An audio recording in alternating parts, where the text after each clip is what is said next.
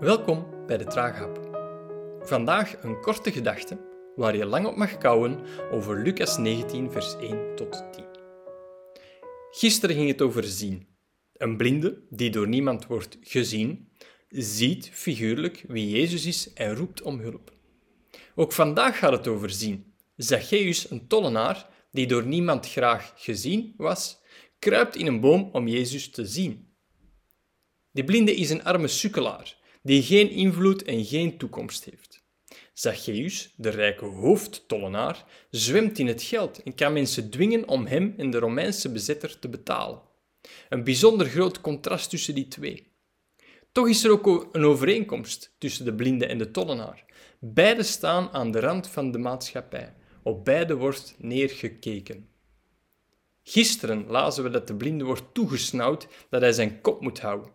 En in dit gedeelte zien we dat Zacchaeus, die rijke man, zich geen plaats weet te veroveren op de eerste plaats om Jezus te zien. Ik stel me zo voor dat ook niemand hem dat gunde. Stomme tollenaar, blijf maar achteraan staan. Twee mannen aan de rand van hun maatschappij. Jezus hoort het geroep van de blinde. En in dit verhaal ziet Jezus de tollenaar die inmiddels in een boom gekropen is. Hoe moet dat voelen? Vraag ik mij af. Zo opgemerkt worden als hooggeplaatste terwijl je in een boom zit. Je zou door de grond zakken van gêne. Zacchaeus die kon natuurlijk ook doen of zijn neus bloedde, of hij toevallig een uh, frisbee van tussen de takken aan het halen was, of vogelnesten aan het checken op zeldzame eieren voor zijn collectie.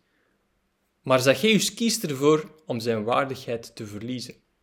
Dat was niet gemakkelijk, want er werd al op hem neergekeken. Toch laat hij zijn trots varen om door Jezus aanvaard te worden. Eigenlijk loopt hij trouwens parallel met Jezus' gelijkenis van de fariseer en de tollenaar van enkele dagen geleden. De blinde krijgt zijn zicht weer. En ook de tollenaar krijgt weer zicht, figuurlijk gezien dan. En eigenlijk herhaal ik hiermee de vraag van gisteren. Wie staat er aan de rand van de maatschappij, van de kerk? En hebben wij daar oog voor? Kijken wij figuurlijk in de bomen om te ontdekken wie ons van daaruit nieuwsgierig bekijkt. En nemen wij tijd om met hen te eten, zoals Jezus op bezoek ging bij Zacchaeus. Kou er maar verder op. Smakelijk!